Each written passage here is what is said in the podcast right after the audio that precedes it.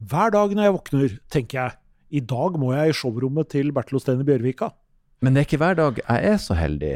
Men i dag var jeg det, Stein. Og her er vi. Det er helt utrolig. Og for en gjest! For en gjest! Dagens gjest han er både høyt og lavt, men kanskje aller mest høyt i det siste.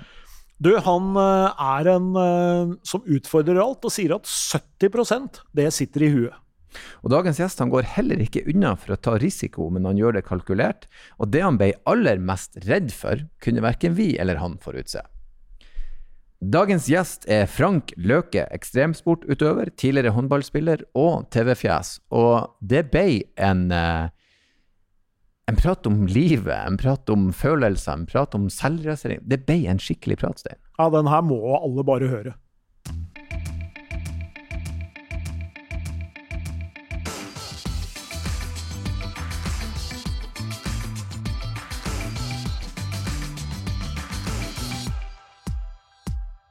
Ny dag, nye muligheter og ny gjest, ikke minst. Hjertelig velkommen hit, Frank Løke.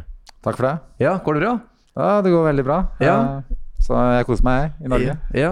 Vi eh, har jo samla oss her for å snakke om eh, bil, med utgangspunkt i bil. Ja. Og så har vi et sånt åpningsspørsmål eh, der vi har det der, er et uttrykk, petrolhead, eller et bensinhue, eh, som de fleste som innenfor bil vet hva er. Og jeg stiller deg spørsmålet, vil du betegne deg sjøl som et eh, petrolhead eller bensinhue? Nei, jeg vil egentlig ikke det. Nei. Jeg, er ikke, har ikke, jeg er ikke så opptatt av bil, egentlig. Men uh, uh, jeg bruker bilen ganske mye, det gjør jeg. Fordi jeg farter veldig mye rundt med, til idrettsarrangementer. Og jeg er veldig opptatt av trening. Mm. Og jeg, jeg bor egentlig i bilen, da. Bilen min er egentlig et klesskap for trening, svettøy, svettesko. Det er mye lukter i bilen min. Det ligger gjerne en sykkel eh, inni bilen som er tatt av hjulet. og Det kan være noe ski. Du kan egentlig finne alt du trenger for å gjennomføre en treningsøkt. eh, Ja. Nesten til hvilken som helst sport, til hvilken som helst tid. Så bilen din er rett og slett bare et, slags, et svært verktøyskap for det du trenger til enhver tid for å drive med det du liker. Yes. Men jeg er ikke helt fornøyd med bilen min. da. Jeg burde egentlig hatt en uh, litt større bil. Mm. Så jeg vet at dere skal gjette på hvilken bil jeg har. så... Ja, vi får se hvor vi ender. Ja, men eh, jeg, jeg skulle gjerne hatt en litt større bil. eh, og jeg angrer for jeg ikke satte på hengefeste når jeg kjøpte den. Åh, men det er jo på en måte folk er, Alle skal jo ha firehjulstrekk og hengefeste og automatgir. Det er på en måte Ja. det er en sånn der er- Ja, hengefeste må man ha. Så den ser jeg. Og det er Ja. leit å hive på i ettertid. Det er Ja. sånn der. Mm, Det er det. det, er det. Men uh, jeg er fornøyd med bilen, det er jeg. Men eh, Og vi skal nok Vi skal nok finne vi frem kommer nok ned der, ellers er vi jo litt sånn erfaring med, med de som har vært idrettsutøvere da, på litt sånn nivå. De har jo veldig ofte vært litt sånn prisgitt klubbenes uh, sponsorater og kjørt Ja, biler som, det stemmer. som har dukka opp, så det har kanskje litt mindre bevisst forhold til det, muligens. ja, det er litt sånn. Jeg husker når vi kjørte Jeg bodde i Tyskland, i Lübecke. 100 km vest for uh, Hanover. Da, da hadde vi sånne leasingavtaler. Da kjørte vi med, med BMW. da. Så da kjørte vi, det var vel seks-syv stykker i laget som hadde den BMW X6. da. Så hadde vi den et år, og så bytta vi biler, og sånn holdt vi på hele tida. Så Det jo ikke det verste det en gang i året og så bare få rygga inn en X6 i oppkjørselen. Nei. Vær så god, ta denne. Nei, det var ikke det. Men nå det tenkte vi skulle ta den med tilbake til Norge, det ikke var så gøy, da. For da, da hvis vi skulle kjøpe bilen der og ta den med over, så ble det plutselig Jeg vet ikke hvor mye den bilen min kosta, men da det var vel 1,6 eller noe, tror jeg. Mm. Så jeg skulle kjøpt den, og så tatt den inn, da. Mm. Så Men er det eneste si, sponsorbilen du har hatt gjennom karrieren? Har, har det vært andre typer biler opp igjennom? Eh, Ja, det er vel den som uh, Det er vel den eneste bilen jeg har hatt, ja. Ellers så kjø- hadde vi noen sånne Suzuki i Kroatia også. Mm. Der var det egentlig bare, der kom du på flyplassen, og så fikk du bare nøkkelen til en leilighet og en bil. Eh, Og så signerte ikke ett eneste papir. det var litt gøy, da. Det er veldig festlig. Vær så god. Så bare Ja, ja, altså Der er restauranten du spiser på, gratis. Er jo familien. Og så må du bare levere på håndballbanen. Så det var, det var veldig spesielt. da. Og så når du reiste derfra, så tok du nøklene, og så var det ha det. Mens Tyskland så var det litt mer, da. Da var det jo måtte, forsikring her i for alt mulig rart. Da var det bare signerte signere papirer. Så, mm. Så nei, det var, jeg, var ute i utenlandsproff i tolv år, så jeg var litt rundt i Europa. da. Jeg var jo starta i Øst-Tyskland ett år, og så reiste jeg tre år til København. Og så var jeg to år i Sveits, og så var jeg ett år i Zagreb, og så avslutta jeg da i Tyskland da, Mm. i seks og et halvt år. Så, Mm. så jeg har vært litt rundt, da. Men, tyskerne er jo veldig bilinteresserte. da, og jeg vi hadde en sponsor også, en, eh, en Seat. Det var Seat, da. Eh, Det var ikke så, noen andre gutter kjørte jo med Seat. Da fikk du veldig gunstige priser og enkle og litt sånn konebiler. som var en sånn, Bil, bil nummer to var ofte en Seat for, for gutta i laget. da. Mm. Seat er vel kanskje ikke så mange av de bilene her i Norge. Jeg ser at det ikke er spansk Volkswagen. Jo da, det er det. Det har vel eh, prøvd seg noen ganger. Det er, eh, de er vel her eh, nå også, men nå heter det vel bare Cupra, tror jeg. Det er samme, Ja, samme ja, greia. De prøver å kalle det bytt navn. Ja. For det er som du sier, Seat fikk det der stempelet av en sånn at dette er en sånn nummer to. Ja. Det er ikke så nøye med Nei. Seat Toledoen der. Du skal bare la den bare stå, du. Det går bra. Ja. Men da har du testa litt forskjellige trafikkulturer da, i de landene, Ja. i hvert fall. Det er Ja, ikke tvil om. det, det er helt sant, ja. Så, um, Hvor det var verst å kjøre hen? Liksom, hvor, hvor de var mest sånn beinhard? eh, Ja, det verste, det verste stedet jeg har kjørt, syns jeg var Kroatia, da. Mm. I Zagreb. For der er jo, der tuter de litt, på forskjellige måter, da. Det er litt sånn vennlig tut. Ellers er det tuter at uh, her er jeg, bare for å gjøre observant. Ellers er det den pitchka di matri-tuten, når jeg er bare ordentlig forbanna. Så det er mange former for å tute, da. Mm. Men, eh, men det verste stedet jeg har kjørt, det er faktisk i Nepal. Det er eh, faktisk, jeg var mer redd for å kjøre bil enn det å klatre Mount Everest. Ja. Og han som kjørte den eh, lille Lille Åssen bil var det? Jeg husker ikke åssen bil det var, egentlig. Det var en sånn uh, varebilaktig greier med, sju-åtte seter. Og han bare holdt gass. Det er jo ikke noe vei, egentlig. Det er bare en brei vei, og så veit du ikke om det er tre eller fire felt, eller hva det er. Det er bare, bare å holde gass og kaste seg inn. Og, nei, da var jeg faktisk redd, ass. Og da satt jeg med det som så ut som et sikkerhetsbelte på meg, og, og kryssa det jeg hadde for at jeg skulle overleve. Så da klarte jeg ikke å sove. Det var sånn åtte timers eh, tur da, som vi kjørte innover i fjellet, og nei, det var mye greier. Så nei, at jeg overlevde den etter å ha bestiget Mount Everest, det, det var jeg mer fornøyd med.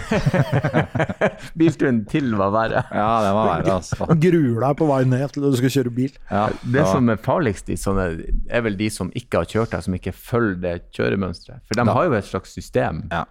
Eh, Jeg, jeg, jeg, bare, jeg har sittet på i privatbil i, i, i Roma, Mm.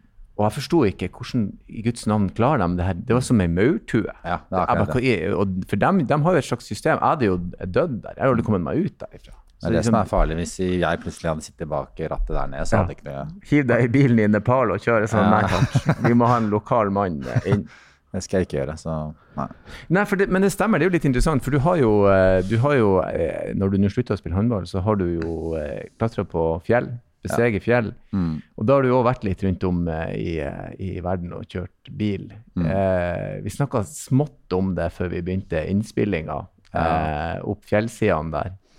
Jeg hadde, når jeg skulle eh, bestige ett fjell i, i Nepal, så som hadde, var en biltur da, innover i fjellet. Vi skulle kjøre da Du kan kjøre til sånne små landsbyer. Og skulle vi kjøre så For det var litt glatt. Så skulle vi kjøre så lenge at det ble så glatt at det ikke ble forsvarlig mer. Og da kjører du på en sånn eh, Jeg kan vise dere etterpå hvor, hvor eh, bratt det egentlig var. da. Og det er eh, veldig lite eh, satt opp Det er ikke noe gjerde satt opp, men noen steder så ligger det litt større steiner for å blokkere. da. Men da kjø og så kjører du over sånne elver som går over veien, og der var det jo is. Og da satt jeg Først så satt jeg ytterst, men jeg fant ut etter hvert at jeg vil heller sitte innerst, så jeg kan kaste meg ut av bilen hvis vi bare sklir ned, da. Og da kjørte vi, hadde en biltur på mm, Vi kjørte jo to dager, så det var vel eh, sånn åtte timer hver dag, da. Som vi kjørte innover, og det var forferdelig altså, å sitte Da satt vi i en sånn jeep-variant, og så Mm. Og så var vi vel eh, Ja, vi var vel åtte stykker i den bilen, så så det var, det var uh, tøft. Og, og så visste du at eh, en gang i året så var det en ulykke, dødsulykke, da, Mm. med at faktisk bilene forsvant ut. da. Det, men det må være litt sånn vilt når det er sånn Hvor langt skal vi kjøre? Så langt så vi kommer. Ja. Til det ikke går mer. Ja, ja, Da er du litt avhengig av at sjåføren vet hva han driver med. Og, det var jo de, det var ikke hvem som helst som fikk kjøre innover der. mm. Og når vi møtt, kom møtende trafikk, så var det ofte Da måtte vi rygge til en sånn plass, og det var en kjempeutfordring så, med å passere noen der. Da. Så er, jeg tipper det ligger en del YouTube-klipp akkurat på det greiene der, og de veiene innover mot uh, Annapurna og Mount Chang, ja, som jeg skulle bestige. For da er vi i Nepal. Til, til, de som hører på, hvor hen i verden er vi henne da? Ja, ja, nå er vi i Nepal, ja. Mm. Mm. Og, men det har ikke jeg tenkt på, for når jeg har sett for meg at du skulle klatre på et fjell, så bare går du til fjellet og så begynner du. Jeg har ikke sett for meg at det er en farlig vei inn, og at det er livsfarlig i trafikken. og at det, du... Nei. Nei, det er litt forskjellige måter å ta seg til måte start. Du kan fly inn med eh, Der flyr du fra du lander på Lukla da, på 2600 høydemeter, som er verdens farligste flyplass. Eh, du lander i motbakke. Eh, sånn 400 meters flystripe. I, i oppoverbakke? I oppoverbakke. Det er helt forferdelig. For å klare å stoppe. For å klare å stoppe. Og da, siden 19... Eh, nei, siden 2000 så har det vært uh, over 50 stykker som har mista livet der. Og tre dager etter jeg landa der første gangen, så var det flyulykke. Da. da klarte ikke piloten å ta av han avbrøt uh, takeoff, for han hadde ikke nok fart. For hvis du kommer utafor kanten, så er det bare går det bare rett ned. Mm. Så avbrøt den, og så kjørte han rett i et helikopter. da. Og han mista tre stykker livet. Eh, også han selv, men han redda Han redda Jeg vet ikke hvor mange det var i flyet, da. Men han redda de resten. da. For de hadde gått utafor kanten, så hadde alle mista livet. Mm. Og da sitter du da i flyet, og du kommer flyvende inn, og du hører det piper hele tida. Det henger en sånn liten eh, kjøkkenklut foran uh, kabinen der, og så hører du bare Terrain, terrain, pull up, pull up. Da er flyet for nærme bakken, og da si, sier det fra, da. Du må bare liksom snike og smyge deg forbi toppene, og så lander du inn der. Altså. Så overlever du den flyturen. Det er én variant å komme seg inn. Eller så tar du en sånn kjempebiltur som jeg snakka om. Ja, Der det òg kan gå relativt. Det er, også, det er litt, litt sikrere enn, enn å fly. Da. Så så det er litt sånn når jeg er ferdig med fjellet, så er det den flyturen ut. da. Og tar du den, så er det, da føler du deg sikker. ja, for det er, jo en del, det er jo en del vurderinger her. For en fyr som er ganske glad i å kjøre bil, uh, ikke så veldig glad i høyde, så tenker jeg at uh, du gjør jo ganske mange risikovurderinger. Ja. Og de fleste av de når du klatrer, har du jo kontroll på sjøl. Mm. Men det er jo en hel haug med ting rundt det hvor du egentlig bare sitte på. da. Ja. Så da er du nesten ned på flaks eller uflaks, på en måte. Ja, De sier jo det at uh, uansett hvor sterk du er, og hvor mye du har trent og forberedt deg, og klatreteknisk du er, så, så, er det så mange faktorer som avgjør om du faktisk kommer opp. Det er, og til syvende og sist er det fjellet og, og naturkreftene som, som, avgjør om du skal opp eller ikke. Det ligger utrolig mange spreke Eh, tapre sånn supermennesker på de fjella der, som, som, faktisk har bare blitt tatt av naturkreftene. Ofte er det ras og vær og vind som, som har tatt dem. Da. Så du legger faktisk livet ditt i hendene til sherpaene, mm. som, som, er da nepalske guider, som, som, er en egen klan som er, kalles sherpaer. Så mm. du må stole blindt på dem. Så det er liksom, akkurat det er jo Jeg har hatt litt problemer med det tidligere. Da, sånn at eh, jeg liker å kjøre, gå min egen vei. Da. Jeg har mm. alltid satt mine egne grenser og aldri latt noe stoppe meg. Og så skal jeg da putte livet mitt i henda til noen andre og stole blindt på dem. Så det er en, en sånn spesiell uh, opplevelse. Men det har jeg gjort, og det har jo jeg, jeg har hatt sykt respekt for dem. Og hadde jeg ikke gjort det, så hadde jeg ikke vært i nærheten av å komme, kommet opp uten å ha mm. hjelp fra de gutta der. Så det er de som gjør at vi vestlige som kommer med pengene, uh, at vi kommer opp. Mm. For det, det, de, de, bor der, er født der, og de vet nøyaktig si, hvordan ja, de har, seg, og kjenner, kjenner, til forholdene. De kjenner til forholdene, og de blir egentlig bare bedre og bedre. og de og de, mange av de er oppvokst i, høyden, opp til 3000-4000 meter. Mange er født i høyden nå. Så.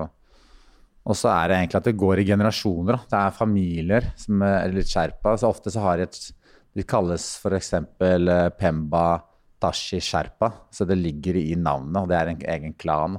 Mm. Og det går i generasjoner. Mm. Altså, det er litt status i, i, i, i Nepal å være sherpa, men mm. allikevel så er det en risiko med det. da. Mm. Men, ja, uh, åpenbart. Det er jo kummerlige forhold. Ja, natur og høyt og farlig. Og... Nepal er et av verdens fattigste land der uh, nesten 90% lever av det de selv dyrker. Mm. Og så du da kan tjene ganske Si du kan sitte igjen med sju-åtte årslønner på, på én måneds jobb. Så ca. gjennomsnittslønnen i Nepal jeg lurer på om det når jeg var der, så var det rundt 1300 dollar i året. Så da selvfølgelig, det blir veldig god butikk. Og som du sier, de har, eh, mange har jo ikke noe valg, men eh, de ønsker å, å gjøre jobben. da. De er veldig positive. Og de forsørger ikke ofte bare en hel familie, noen forsørger en hel landsby i tillegg. Så mm, med all respekt til dem, altså, de, de gjør en kjempejobb. og ja, Uten dem så hadde ikke ingen av oss vært på toppen. Mm. Det tror jeg på. Men for en nå som har uh, brukt uh, mesteparten av livet sitt uh, på et flatt gulv, og i tillegg er fra Sandefjord Ja. ja.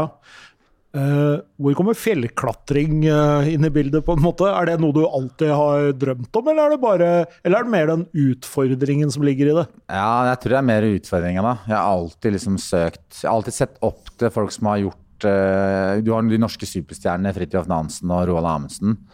Og så har jeg alltid sett på de fjellklatrerne som, og det å stå på verdens høyeste fjell. Så det er mer det som har trigga meg, at det er faktisk verdens høyeste fjell. Og det, og det å kunne stå der som en ikke-fjellklatrer Jeg er jo ikke i nærheten når jeg besteg Mount Everest. Så kan man stille spørsmål om jeg egentlig var uh, dyktig nok. Jeg, hadde, jeg var kondisjonsmessig og, og huet mitt da, Jeg har vært med på utrolig mye. da, så jeg, Der var jeg sterk nok, men klatreteknisk og sånn, så burde jeg kanskje aldri vært inne i det fjellet der. Så jeg måtte jo liksom google Jeg fikk en sånn dingseboms, som jeg kaller det, som hvordan du skal rappellere. Jeg visste jo ikke hvordan du skulle rappellere, så jeg måtte jo google det da, for å sjekke det. Så, så hadde de visst, visst hvor lite jeg egentlig kunne. da. Men jeg er bare Jeg er quick learner. da. Så jeg kikka på de beste gutta, jeg, da, så, og så catcha jeg litt hvordan de skulle gjøre det. Og så plutselig faen meg sto jeg på toppen av Og, og, så var det K2, og da jeg tok jo verdens farligste og tøffeste fjell, og nest høyeste fjell, på 8611 meter, som ligger i Pakistan. Og da var det litt sånn, for da hadde jeg ikke etter Everest så hadde jeg jo ikke, nesten ikke trent Jeg hadde ikke trent noe klatreteknisk, men jeg var i superform. da. Jeg snakker om forberedelser. Men da var det jo sånn at jeg tenkte skal vi ikke liksom Vi hadde vært på basecamp, har brukt åtte dager å komme oss opp dit. Så tenkte jeg skal vi ikke begynne snart å liksom ta litt tau og trene litt, da. Tenkte jeg. Og så det skjedde aldri noe. Så, så prøvde jeg liksom å rytte kulissen og hva er det som egentlig foregår. Og så gikk det opp for meg at alle de som er her, det er jo de, de beste klatrerne i verden. De trenger ikke å, å trene, ikke sant. De tenker jo på Knut, det her skal du kunne. og så jeg ble så stressa. Jeg så jo ikke på to dager. Jeg må, jeg må jo få repetert litt. da. Og så det som var, jeg catcha jeg da, at det var de pakita, pakistanske klatretaua var litt smalere. Og da bare ja, det må jeg liksom bruke, da. Så tenkte jeg, så sa jeg det til han ene sherpaen. De, De taua her i Pakistan er litt smalere. Kan vi ikke teste og se hvordan de funker i utstyret? Så han bare ja, faen, det er, det er en god idé, Frank. Det gjør vi. og så da, dagen etterpå så la vi et masse tau, og så gikk vi gjennom. Så var han så ivrig, han eh, sherpaen min. da. Så han ville vise meg alt. Og jeg bare, åh, så da, da fikk jeg den repetisjonen. da. Så vi fikk jo sånn to gode timer der med repetisjon. Og så var jeg klar for godt. gå det var To gode timer, så var det bare å gå. Ja, så det var egentlig akkurat eh, Når jeg sier det til folk, så jeg, tenker jeg at det er galskap. da. Men det jeg var førstemann opp, og det som er min styrke, er at jeg er eh, At jeg er fysisk veldig bra form. Jeg takler høyden, og jeg, jeg gir meg aldri. Og jeg, jeg er forberedt på det uforberedte. Det er det jeg kan, du kan si til meg nå, nå går vi ut og sykler 30 mil, og jeg er med. Mm. Hvis du, hvis du tar en sånn eh, de, men- Jeg har sett mange mennesker som er super topptrente. Som legger seg klokka, har, har fin rytme, spiser sunt og liksom alt er lina. De er supermennesker. Kommer ned i fjellet, plutselig går det to-tre dager. Du får ikke spist når du vil, du får ikke sove på, sove på tre dager. De bare faller med en gang. Men det at du hele tida du, du kan spise med en kamel, du, du må være forberedt på alt mulig. Du må sove når du kan, ta et kvarter der. Det er min styrke. da. Så det gjør at jeg, at jeg er kommet opp på de to fjellene. For hvor mye sitter i huet av dette her, tenker du? Jeg vil si at 70% sitter i huet. Ja. Og 30% er det fysiske. da.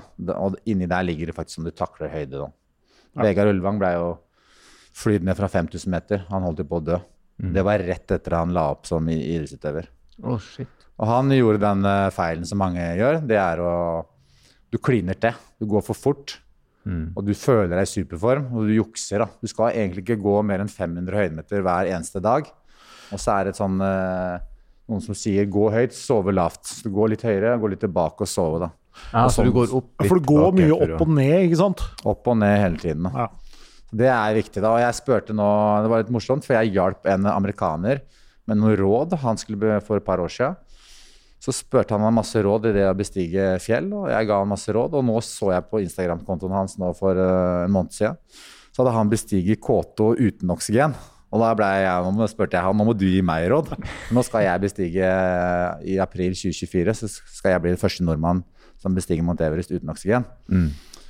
Og da sa han til meg to ting. Frank, det handler om hvor mye du vil det. Det var nummer én. Det var det beste tipset han kunne gi meg. Mm. Vil du til toppen? Og nummer to var at det han gjorde, det var at han gikk siste 1000 høymeterne, så gikk han tre skritt, og så pusta han 18 ganger. Og så gikk han tre skritt, og så 18 ganger. Det var hans opplegg. Han kan tenke deg hvor seint det går. da. Å, Når du går i fjellet, så går det veldig seint. Ja. Ja, for det er, det er langt. Det er tål, men det er, Det er tål, langt, ja. det er tålmodighet og balanse her i, hvordan du går frem. Uh, eh, Mm. Det er ikke så enkelt som bare gå opp, da.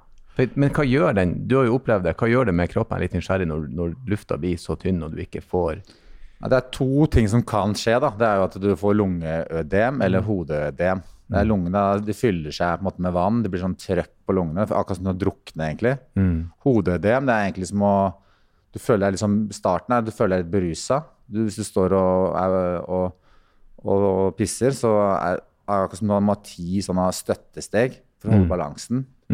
Og så begynner du å få sånn ordentlig vondt i huet. Vet, når du ikke har sovet på lenge, så får du sånn litt trøkk bak i huet. Den smerten bare blir verre og verre. og verre, så Det sprenger på huet ditt. Og så, og så etter hvert så kan det være begynne å halsonere. da. For du, og så ser dobbelt, og så blir, kan du bli likegyldig etter hvert. Så du masse, kan du gjøre masse tekniske, tekniske feil. Du mister egentlig balansen. da. Så det er det, da, med, det er å prøve å finne ut hvor den grensa di går. Og, og sånn som jeg har lagt opp løpet nå, så har jeg satt av syv uker. Så jeg kommer hele tida til å gå oppover. Når jeg føler meg ukomfortabel, så kommer jeg til å være i høyden der jeg er ukomfortabel. Kanskje være der i tre-fire timer, så gå ned igjen. Og kanskje jeg kommer tilbake etter en uke. Og når jeg er på det samme sted som jeg var sist gang, så skal jeg føle meg bedre. Og så skal jeg enda litt høyere. Så skal jeg bli litt ukomfortabel sånn på grensa. Ikke gå over grensa, men og så kanskje jeg kan klare å være der litt. Og så går jeg enda tilbake igjen. Og så en uke senere så skal jeg enda høyere. Så jeg, det kan være at jeg kanskje er på 8300 meter. Og jeg veit at det, det er en veldig nærme toppen. da. Det føles veldig nærme, for jeg har vært her nede nå i seks uker. Men jeg skal kanskje tilbake, og det er kanskje ikke før om to uker jeg faktisk skal gjøre siste toppstøtte. Men har du evnen til å gi deg, på en måte? Hvis Mm. du ser at dette her går ikke, hvis du er på 8300 meter, da. Ja. Så tenker du at dette her går ikke. Du fremstår ikke som en fyr som tenker at eh, Ja, ja, jeg prøvde i hvert fall. Ja, nei, det er sant. Det, det er akkurat det du sier der. Min største styrke er også, også min største svakhet. Jeg kommer aldri til å snu, da. Men uh, altså det kan, hvis jeg føler meg super, som Supermann på 8003, og så kan jeg finne på å si at jeg vil vi går for det, da. Og da er det opp til sherpaen min å ta vurderinga da, og se på meg. Klarer vi det, klarer vi det ikke? da? Så det er, det er akkurat det som du sier der. Jeg, jeg, jeg sier at eh, fjellvettregel nummer åtte, venn i tide, det er skam å snu, den har jeg stryket, da. det, er litt, det er litt image, men allikevel, da. Men jeg har sykt respekt for de folka jeg er rundt. Så det er jo de som tar avgjørelsene. Uh, men uh, Så det er han på slutten av dagen som sier ja eller nei, som, Ja. som anser han ser jo an deg. Det er hans jobb er å se an hvor sterk du ser ut. Og han kommer til å gå med oksygen, selv om han kanskje kunne klart å gå uten. Det er ingen grunn til at han skal gå uten. For han vil jo være, må jobbe 150 mm. 100% for seg sjøl og 50% for meg. Så, så um, Nei, akkurat å finne ut eh, hvordan vi skal knekke det, det er det som er koden. Alle kropper er forskjellige. Det, vi reagerer forskjellig. og Noen har lyst til å gå sakte i starten, og noen litt fortere, og noen trenger mer pauser. Og de som er litt sånn dårlige og ugne i starten, de, det kan være de som kommer opp på slutt. Ja, for det, det er individuelt i tillegg hvordan det her spiller inn på hver enkelt. Liksom. Ja. Det er jævlig mange faktorer å ta høyde for her hvis dere er et reisefølge i lag. Ja, ja, det er derfor. Men det, det er nesten bedre å Jeg har litt erfaring nå, da, så jeg veit akkurat hva jeg skal gjøre. Men vi, er, vi har forskjellige kropper, og vi trenger forskjellig tid på å produsere flere røde blodlegemer. Det er det de gjør når det går oppover. da. kroppen rekker å produsere flere røde blodlegemer. Og det gjør at oksygenet transporteres raskere i kroppen. Og det er det kroppen må gjøre for å kompensere for at det blir tynnere luft. da. Og vi reagerer forskjellig, og det er det også skiløperne gjør når de trener i høyden. Opp, og så produserer masse rød. Og så har de et overskudd av det, og så går de ned i lavlandet, og så løper de, eller de går på ski, og så har de jo jobba i kroppen og bare pumper ut oksygen i, i cellene. Så, så det er liksom det som er eh, nøkkelen til suksess, er å knekke, finne ut hva man sjøl tåler, tåler, og nøkkelen til å liksom, få best mulig kropp. Da, for å Fascinerende. Før vi går litt tilbake til bil, da. dette her kunne vi jo hatt prata om i timevis. Jeg elsker jo sånne fjellklatredokumentarer. Ja. For at det er så forskjellig tilnærming de ulike har. da. Som han svensken som hadde funnet ut at han kunne bestige ett fjell først, og så kunne han gå rett opp på Mount Everest etterpå, liksom. Fordi han da, da hadde han på en måte gjort den der vandringa opp og ned. da. Men du er jo mange timer da, på tur. Hvis du skal være der i sju uker. Hva tenker du på når du vaser rundt oppe i fjellet der? Er det bare fokus på liksom arbeidsoppgaver, eller? Nei, det er litt sånn eh, Mange av de arbeidsoppgavene har gjort det gjør det til en vane. da. Akkurat som når vi står opp, så går vi på do, vi pusser tenna, vi tar på oss klær. Og så, og så går vi ut, da. Så jeg, det er samme tingen. Det som er viktig der nede, det er jo som, som her hjemme, det er søvn, og det er næring, og det er drikke mye vann. Og så hele tida. Heller gå på do hver andre time. Kroppen trenger vann. Ellers så du merker det med en gang, begynner å bli litt dehydrert. Og så her hjemme så er jo 1 eh, eh, væsketap, sier jeg 10 eh, prestasjonstap. Mens der nede så er det enda verre. Og kroppen min forbrenner så sinnssykt med energi i høyden. Den jobber og jobber og jobber. Du må tilføre energi hele tida. Og det er nøkkelen. Og de, de gutta til meg sier jo til meg spis den hvitløkssuppa. Den er hjelp mot høydesyke. Og jeg tror på det. ikke sant? Og folk begynner med Diamox, og folk tar jo masse tabletter og alt mulig for å unngå hodepine. Jeg, jeg tok ikke én eneste pille. Jeg hadde ikke, nesten ikke noe vondt i huet. Man kjenner det kiler litt i bakken, men, men jeg, jeg hører på det de sier, og jeg tror på alt det de gjør. Så, Så rett og slett fokus og tankegang, det er Følg rutiner, rett og slett. Rutiner. Følg rutiner, ja. Og gjør det de sier, og ha fokus. Og så er det det, én ting er å drepe Det har jeg lært gjennom alle de ultraløpene jeg har vært med på, alle de lange distansene. Det er å, og det å drepe tid, da. For hvis du er, går ned der og har litt overtenning og, og skal opp på det fjellet med en gang, da, da kommer du ikke opp. Du, du stresser. Du må bare roe deg ned og tenke nå er jeg på Genstadtoppen nå i en måned. Kose meg, går stille og rolig. Gå så rolig at det er flaut.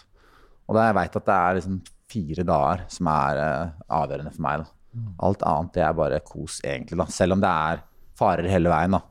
så tenker jeg ikke på de. da. Frykten den er lagt hjemme, hjemme i Norge. så Det er helt utrolig det er akkurat det med frykt. for det, når du kommer opp i høyden nå, så, så er det et eller annet som skjer med kroppen din. Du blir mer likegyldig. Du, du, det er nesten verre å stå på taket på jobben der det er 20 meter ned, enn når du kikker ned og så er det ok, her nede her er 2000 høydemeter nå. Det blir så uvirkelig, og du føler du er inni et maleri. Du, skjønner ikke, du skjønner ikke helt hva som skjer. Og du blir litt sånn ja, ok, liksom. Så, og så bare ser jeg på han foran meg, hva han gjør, og så gjør jeg bare en jobb, liksom. Og plutselig så står du på toppen. Men all den tid du, du si, Det er jo den her Du er ute på reise, du skal opp på fjellene, du er der i ukevis og du er borte. Du utsetter deg for enorm fare. Du har jo familie her hjemme i Norge. Ja. Hvordan er den Jeg er sjøl far, har unger hjemme. og Hvordan er den balansen? Hvordan tenker du og takler du den?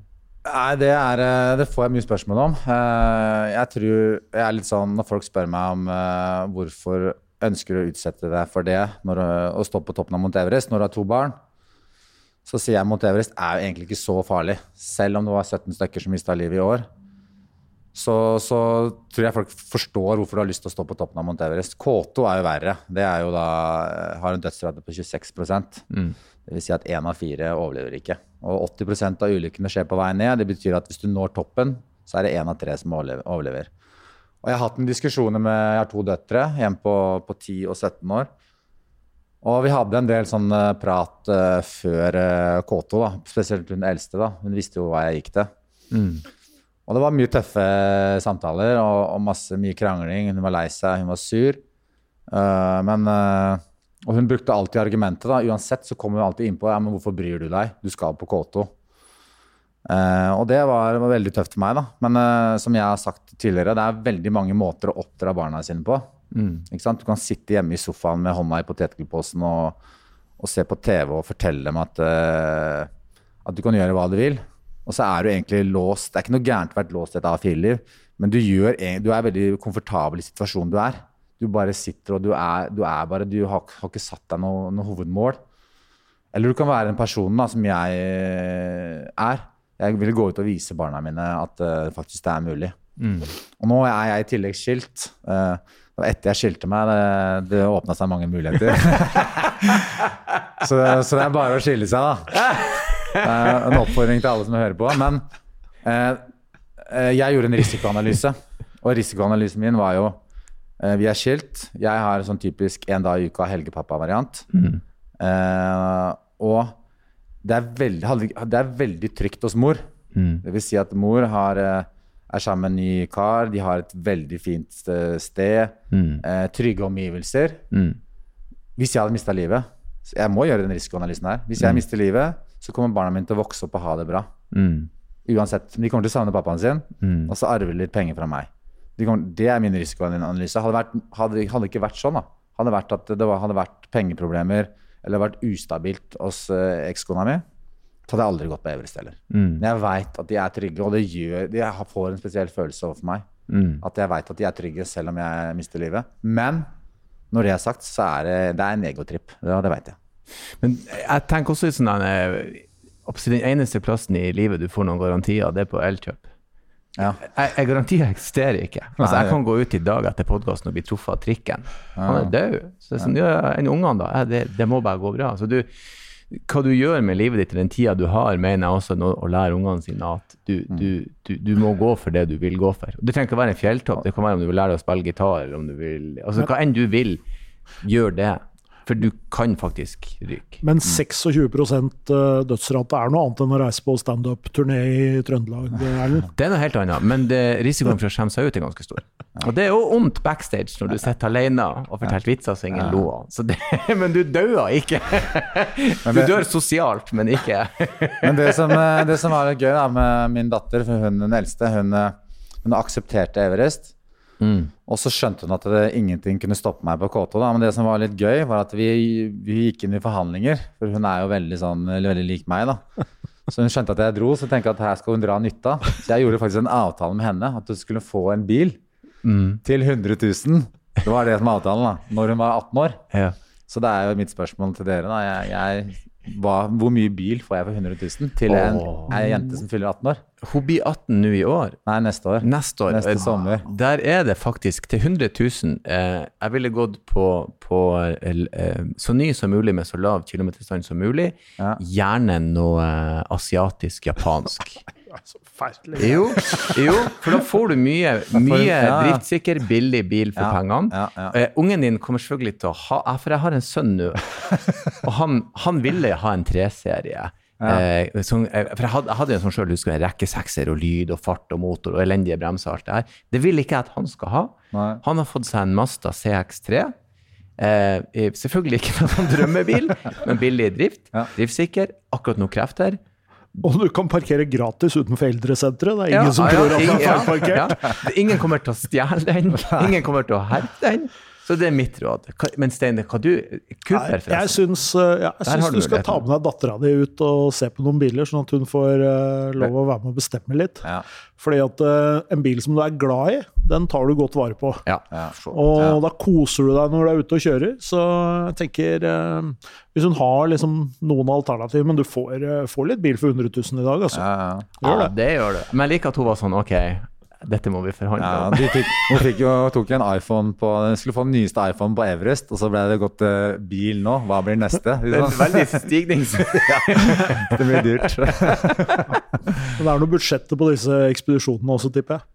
Ja, det er jo absolutt ikke billig. Da. Så heldigvis har jeg med meg en del samarbeidspartnere. og uh, Turen på Everest ble jo 620 000, og K2 ble 630 000 kroner. Mm. Så det koster. Og det som er kjipt nå, er at den dollaren bare Den er dyr nå. Så det blir veldig dyrt nå. Selv om jeg skal gå uten oksygen nå. burde man tenkt at det blir billigere, men det blir nok rundt samme prisen, det òg. Mm. Så det er dyrt, men eh, jeg har noen folk som har backa meg hele veien, og, og det har vært avgjørende for meg eh, at jeg, at jeg får det til. Du var jo litt inne på det. Dattera di skal få sin første bil. Hva var din første bil? Min første bil det var en eh, Volkswagen Polo, faktisk. Det var den første, ja, Den fikk vi som eh, i Runar håndball, så hadde vi leasingbiler. Polo. Da tror jeg vi måtte betale var det 1500 kroner i måneden. Det var da i 19, nei, rundt 1999. Som med navn på sida òg, Ja, navn på sida. Ja. Runar håndball, Frank Løke. Da var du stolt. Og så husker jeg Stil var en av sponsorene hos meg. da. Så jeg hadde det på stort på sida der. da. Så og Heidi Løke, søstera mi, hun kjører rundt med Hun har jo hun kjører rundt med en, eh, en Tesla nå, da, med, med navnet på sida. Hun er jo fortsatt, hun spiller jo Larvik, så hun kjører fortsatt det opplegget der. Men en polo for en ganske lang mann, det må jo ha vært eh, si, Ja, ja. det, det var jo for meg, Jeg var jo sjeleglad. Min jeg hadde min første bil, så jeg, jeg smilte fra øre til øre. Og jeg husker det var, det var vel tre eller fire av gutta, samme alder som meg, som fikk de poloene. Så jeg lurer på om det var Møller Auto ja, i, i Sandefjord som, som uh, sto bak de bilene. da. Det var 99. Hvor gammel var du i 99? Da var jeg 19 år. Det er stas å få en ny polo Ja. når du er 19. Ja, ja, sånn her, det vær så god, og med navnet på. Det er litt følte meg som en konge da, jeg. enn en den første bilen som du på en måte kjøpte helt sjøl, der du tenkte at dette er den bilen jeg vil, vil ha?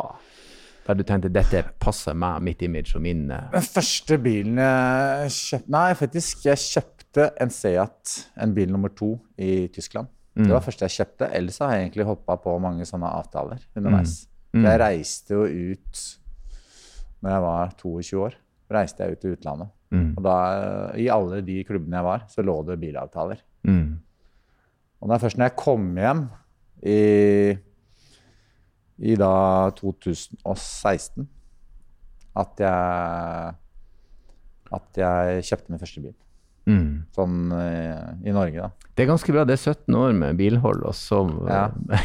Men så hadde jeg den Leonen hadde vi, den, den melka vi til siste si. Den ble brukt, da. Den sto hjemme i Norge mens vi var i utlandet. Så hadde vi den bilen som norsk bil etter hvert, da. Men, så du har et, et litt sånn praktisk forhold til bil? da. Dette er, er verktøy som jeg bruker for å komme fra A til B. Det høres sånn ut. Du, Ja. du melker den Seat Leon, det er sånn, den bil, vi bruker den bare. Ja. Og så, Det var faktisk etter jeg skilte meg det òg. Da kjøpte jeg meg en ny bil. da, da kjørte vi på. Da, da skulle jeg leve livet, da. Da. Nei, det var ikke det at den bilen tilsier at, det tilsier at jeg lever livet. Det er det ikke. Men, eh, men eh, jeg kjøpte den da, ja. For den, eh, den trengte jeg for å ta meg litt rundt. Men jeg gjorde noen dumme valg. Jeg burde tenkt meg litt om. Mm. Men før vi, før vi kommer dit, eh, eh, den direkte bilinteressen din som du har hvor, hvor, å si, hvor, hvor dypt stikker den? Nei, jeg er jo Jeg stopper jo alltid opp. Jeg ser jo Snur meg og ser etter eh, fine bilder som jeg ser etter fine damer, holdt jeg på å si. ja, jeg syns jo det er veldig, veldig stas å se kule bilder. Mm. Men eh, jeg har litt andre prioriteringer, da. Mm. Jeg, jeg er ikke så opptatt av, av å vise meg fram, da. På sånn måte, da. Jeg, tar, jeg har hørt at jeg tar stor plass. Jeg, har lyst til å vise meg, men jeg, er mer, jakter mer stolthetsfølelsen enn show-off-følelse, da, hvis du kan si det. da. Mm. Eh, Det er ikke det at det er show-off å ha en, bil, eh, en stor bil, eller, eller en fin bil. men For mange, ja, kanskje. Men jeg, jeg har litt andre prioriteringer nå. Men, eh, For mange er nok det en stor del av identitet og hvilken bil de har. Ja. Ja. Det, det er nok en del av både antrekk og image. Og det er bare å dra litt lenger opp i gata her, så ser du jo hvilke biler folk kjører i forhold til hva de driver med. Og. Så jo, den show-off-tingen er nok en del av det. Men har du noen gang sittet deg inn i en bil da, og liksom tenkt at eh, her vil jeg være mer Dette var min uh, Ja, nei, ja jeg, jeg ser jo på den uh, jeepen som står her, da. ja. Det er, det er, det er noe sånt noe. Ja, for du liker tøffe, store, litt barske, harde Store biler som tar mye plass. eh, som er liksom praktiske, da. Den er, jeg bor jo ute på eh, en gård. mm. Og så det er mer, Jeg må ikke ha smått og raskt. Jeg vil heller ha stort og kraftig, masse hestekrefter og, og du ser litt sånn badass ut, rett og slett. da. Så det, Ja. den der hadde kledd meg, altså. Ja. Det er jo en 380 hester og firehjulstrekk, lavserie. Kommer deg fram nå, vet du. Ja, ja. En er- ikonisk bil. da. Den, den grillen der har jo sett sånn ut siden Mm, mm. forfaren som står ved siden av. Så det er litt artig med den Mm. typen. Men, eh, men drømmebilen min er jo altså en Hummer. Er jo, den hadde jeg kledd. Er det Hummer som er Ja, det er en sånn kjempebrei, svær, som tar mye plass. Det er, det er ikke plass til den egentlig. Sånn, øh, det er sånn jeg føler meg, ikke sant. Så, så det, den, er- er jeg kledd, da. Hummer H1, der er vi, liksom. Ja, Hummer, det er en svær Har du kjørt Hummer noen gang? Nei, jeg har aldri kjørt Det det. er ikke god å kjøre. Nei. Nei, men Nei. den Men det er deg gøy å kjøre. Ja, det er det. Det er det gir deg litt av samme følelsen da, som du får i en, eh, i en, i en ordentlig stor SUV, på en måte. Ja, ja. Uh, som faktisk er lagd for å kjøre, kjøre på veien, men også utafor veien. Og du får den derre Det er jo presence, på en måte. Ja. Ja, ja, det er jo, det. Ja, ja, jeg skjønner jo ja. at det matcher bra, Men men hell, heller det enn en sånn liten, rask sportsbil Ja. som jeg egentlig ikke har plass i. Altså, det de folk ikke tror, da, hvis du, du kan tenke at ok, jeg er, går for å være litt gæren. Du tenker at jeg er litt sånn eh, aggressiv og sånn i Ja. trafikken. At jeg kjører Men jeg er egentlig Jeg får masse sånne bemerkninger meg på at jeg kjører veldig passivt. Så jeg kjører på fartsgrensa, jeg overholder alle regler. Mm. Så jeg kjører egentlig litt for sakte noen ganger. For lav risikoatferd i trafikken, liksom. ja, veldig lav. Så jeg er ikke opptatt av at jeg skal Hvis det er noen som du kan føle byr opp en eh, sånn liten dans på, på, på, på veien der, eller et eller annet, så jeg bare kjører rolig og forholder meg. Mm. Og ikke noe road rage, liksom. Det er ikke sånn at du irriterer deg over Nei. Nei. For jeg tenker at eh, hvis du havner i en sånn liten disputt, og det kommer to meter Frank Løke ut av bilen, så tenker jeg at du gir deg ganske fort, liksom. Ja, ja, det er akkurat det, da. Så. Men jeg er ikke noe, ikke noe aggressiv, og, jeg føler jeg følger trafikkreglene og Men la oss ta den, da, for vi har en sånn fast eh, greie i podkasten. Der vi, hvis du skulle rangert deg sjøl på hvor god du er til å kjøre bil på en skala fra én til ti, hvor hen plasserer du deg, og hvorfor plasserer du deg der du gjør? Hvor god eller hvor sikker jeg er. Ja, Én til seks der. Én er elendig sjåfør, og ti er det, det komplette mennesket bakom rattet som gjør ok, alt ja, helt jeg vil ta meg sjøl som en uh, åtter, da. mm, Du er oppe, oppe på åtteren og lukter. Ja, fordi jeg, jeg, jeg er veldig på sikkerhet. Men det kan være at jeg Hvis jeg styrer med et eller annet Jeg må, det er, jeg kan, jeg må jo ha fokus hele tida. Ja. Jeg, jeg skal jo innrømme at jeg, man har sett på mobilen når man kjører, vet du, selv om man ikke skal gjøre det. Mm. Så ha, kan hende man tar på mobilen for å Hvem er det som ringte meg? Eller du skal jo egentlig stoppe og se på mobilen. Ja da. Ja da. Så, så det, der trekker jeg meg ett poeng for den. mm. Og, og så kan det hende at jeg jeg må forte meg til eh, start, så jeg, da kanskje jeg har, eh, spiser samtidig. Mm. Har, en, har en blinks i handa. Mm. Det, og det er, det er jo lov. Det Litt er, multitasking. ja, det er ikke multitasking, da, men det er en sikker omgivelse, da, så jeg må trekke meg et poeng for den. da. Mm. Så jeg, jeg er en sterk åtter. Oppe på åtteren. Ja. Gikk fra cirka en åtter til en sterk åtter. Ja, men det er bra. Jeg liker det.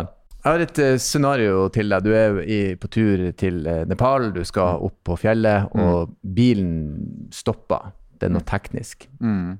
Hvor teknisk anlagt er du da? Kan du fikse noe på den bilen? Eh, og i så fall, hvor går grensa med hva du kan fikse? Jeg kommer fra en stor familie. Vi er syv øh, søsken. Mm. Så jeg hadde ringt til broren min, Fredrik. Ah, Så hadde håpet at han hadde tatt telefonen. ja, for han er første- ja, han er eh, Vi har liksom mange forskjellige spesialfelter i familien som, Ja. som er peiling på det. mm. Så han har peiling på bil. Så det første jeg hadde gjort, er han hadde ringt han og spurt hva er galt. Ja, for du er ikke en sånn fyr som kan Jo, jeg er det, da. Men, eh, men eh, jeg hadde prøvd å se hva som var galt, eh, og kanskje åpne panseret. eh, sjekke sje- Se om man ser noen synlige skader. mm. Og så hadde jeg nok, samtidig som jeg hadde starta på det, hadde jeg nok ringt han i et håp om at han skulle ta opp uh, Ja. telefonen. For der sitter ekspertisen. Ja. ja, i familien så er det det, da. Så jeg har en, eh, jeg har en på, på regnskap, og så har vi en på Ja, genialt. ja. Vi mange så har vi en psykolog, han er jo den yngste mann, så, så vi har liksom hele, hele røkla der. Altså. Perfekt. Da. Det er jo veldig bra sånn ja, Det er veldig bra, da. Sånn kompetansebank hjemme. Ja, ja, altså, alle, det er litt sånn, alle må stille opp for hverandre. Da, så. Men du er litt teknisk anlagt. Du kunne bytta dekk hvis du hadde punktert. Ja, ja, og den ja, der. de Legger du om dekkene dine sjøl? Ja. Det gjør jeg faktisk sammen med faren min. Vi tar alle bilene. Og bobil og hele pakka, så samarbeider vi og har en sånn liten eh, far-sønn ille. Perfekt. Det er jo bare en ettermiddags arbeid, egentlig. Ja, ja. Det er bare at du må, du må gå ut og gjøre det. Ja. Um, vi skal prøve å finne ut hvilken bil du har. Du har jo nevnt den. Du har jo, vi har, jeg har plukket opp noen små hint etter hvert. Det er jo en, en stor bil, men du skulle ønske den kunne vært større. Den, eh, du fikk den levert uten hengerfeste av en eller annen finurlig grunn. Så det betyr jo at det er en bil som kan trekke noe, og som har litt størrelse. Kanskje. Kanskje. Og så, så er det stor nok til at han kan brukes som bod. Det var en sykkel i hvert fall som fikk plass inni. Ja. Riktignok måtte ta hjulet, fikk jeg med meg. Ja. Uh, så det er ikke sikkert det er noen sånn uh, kjempevogn heller. Nei, nei, vi har litt info. Vi har til sammen eh, uh, ti spørsmål, fem hver. ja. Uh, og eh, jeg skal da bare begynne jeg, jeg kommer til å begynne med første spørsmål. Hva er drivlinja i bilen din? Er det eh, fossil, er det el, eller er det en kombinasjon av begge, altså en hybrid? Det er fossil. Det er en fossil bil. Da vil jeg gå ut ifra at det er en diesel, for det er det mest eh, vanlige på de store bilene. Ja, Nå vet du ikke hvor stor han er, da. Jeg, Eh, jeg den i Hvis du liksom skal Klemmer. plassere bilen i et sånn litt sånn segment, er det en sånn veldig folkelig bil? Litt mer luksuriøst? Du har kjørt X6. Eh, eller eh, er liksom hvor i er det, er, Vil tenke, folk tenke at det går bra med Frank nå? Han har kjøpt seg en sånn. Eh, Hvis jeg hadde hatt den nyeste modellen av, av den bilen, eh, kanskje. Den er Skal du spørre kanskje om modell? Ja, nei, men det er Så- greit. så det er- den- så det er, en, bilen er, kan være- det er et premiummerke. Hæ? Det er et premiummerke. Er et premiemerke. Ja. Ja. vel noen år. ja, og så spør vi er det en tysk bil. Nei, det er ikke, det er ikke tysk. Nei. Det er Japansk. britisk. Og britisk, ja. Britisk, ja. Å, se på den, du. ja. Men Ja. da tipper jeg Nå kanskje røper jeg for mye nå? Nei, Er det en- går fint, det. Eh, Forhjulstrekk, bakhjulstrekk eller firehjulstrekk? Bakhjul. Bakhjulstrekk. Premium. Dæven stein, nå kasta han en curveball i vår retning. Eller Det må jeg Skal vi se her um, Altså, av britiske biler, så er det, og, og premiumbiler, så ja, det finnes jo flere, da. Men eh, da er vi jo på sånn type Range Rover, men, men kan Jaguar være, kan jo være indisk-britisk. Ja da, men det eh, Men ja. Den oppleves som britisk. Det er et lite konundrum, det her. Ja, det er det. Håper jeg sier alt riktig nå. Ja, ja. En britisk eh, premiumbil. Er det en Jaguar? Nei, ikke jeg. Ikke en Jaguar. Ja, Du, det er du, bare har, du har vært inne på det. Land Rover. Land Rover eller Range Rover, da. Ja. Range Rover Sport? Nei. Å nei. Ja, hva faen er det da? Den, den modellen er jo egentlig ikke den som er, ja. som er egentlig meg, da. Kanskje. Nei, for det er en sånn Er det den uh, der- Evok. Ja, ja, den der Jeg skulle til å si den rare. Nei, men den er kul, den. For den, Den er kul. er morsom, for at den. Ja, ja, den bilen viste de som konseptbil. Og så når den ble produsert, så så den akkurat ut som konseptbilen. Ja, Den er ganske tøff. ja, ja den Ja. er ikke så gæren. Nei, den er kul bil. Ja, ja. Den er kul. Og det er jo en sånn type crossover slash Ja. sånn, her, sånn midt imellom SUV og Ja. lav. Men det, litt var svakt. det var der jeg har skjønte liksom tippa midt lite bil i det siste. Altså. Jeg kjente at det satt Det var tungt. Det var tungt, men Evoken er sant, for den, er det, den har det lave, litt kule taket. Den er ikke helt eh, Hva liker du best med den, da? Jeg syns den ser kul ut, da. Og så er Jeg er veldig komfortabel i den å kjøre når jeg liker liksom, Jeg liker Range Rover, da. Men jeg skulle gjerne hatt en litt større variant. Litt mer plass. mm, Så, så Men jeg syns Range Rover er et kult merke, egentlig. Mm. Et tøft merke som jeg alltid har likt, da. mm. Så, som, er, som er en prisklasse også, som er Det er ikke det helt Det er ikke en sånn Porsche Cayenne-opplegg, men den er en grei prisklasse, da. Mm. Hvis du eh, en uh, uke finner ut at uh, det gikk bra å lande på den der 400 meter flyplassen Jeg overlevde den jeep-turen. Ja. Nå er jeg på en good strike, liksom. Jeg hiver inn en Viking-lotto. Ja. Eurojackpot. Eurojackpot, Ja, euro-jackpot. Euro-jackpot, unnskyld. Ja, ja, ja, ja, Eh, utbetalinga er eh, 872 millioner. Ja. Jeg veit jo at du kommer til å bruke ganske mange millioner til å gå på fjell, men uh, hvis du da skal kjøpe tre biler, da, så har vi jo, vet vi at det er en, en Hummer kanskje i den potten. Men En hvilke Hummer. andre drømmebiler du, Hvis du har tre, Tre, Tre drømmer, biler, da. ja. Der må jeg ha en Hummer, selvfølgelig. Litt sånn pimpa med alt mulig rart, da. Ja. Mm. Og så er det en sånn Range Rover, kanskje den råeste. Jeg vet ikke om den råeste du får tak i der nå, ja. Hva vi snakker om da? En, Eh, Det er jo, den heter vel sikkert bare Range Rover nå. Ja. Det er jo den store Ja. Og så er det en eh, Så hadde jeg kjøpt en sånn liten Jeg har lyst på Lambo, jeg, da. Lamborghini. Jeg ja da, det, Hvis jeg først skal ha en sånn bil, og det liker måtte jeg jo hatt. ja, for når du har så mye penger, så kan du ha en jålebil. Ja. Eh, Bygge garasje borte ved veien, sånn at du kjører Hummeren eh, på, på gårdsveien, og så bytter du der borte. Bytter du der, ja. Ja. Så, Men det du må vite, er at hvis du syns den poloen var litt trang, den Lamboen er, er Ja, er halvparten. Vi kommer til å se deg inni den bilen der. Det ser ut som du er hermetisk pakka. Ja, okay, okay. For de er, det små eh, ja, ja. Men jeg de- liker egentlig ikke den de følelsen. Så det, det men eh, det hadde jo vært gøy å sitte på noen skikkelige krefter og teste den litt, da. Uten at det, det hadde kanskje vært den bilen jeg hadde brukt mest. mm. Jo, men med 852 mil, jeg skulle hatt tre Lambo, bare for skøys skyld. Ja. Et blomsterbed i den ene, bare. Er det Bare jeg driver med. parkere på brygga i Sandefjord, bare Ja. vase inn på kokeriet, bare Den er god. Nå går det greit. Nå går det greit om dagen. Du, eh, tusen hjertelig takk for besøket. Så jævlig kult. Eh, det, det ble både bil og fjell og det meste. Livet, om man vil. Eh, lykke til på, på fjellturer og det meste. Takk. Og så eh, avslutter jeg som jeg alltid gjør med å si igjen takk for besøket. Og når du en gang skal kjøre bil opp til Nepal, så kjør forsiktig. Ja, det skal jeg gjøre.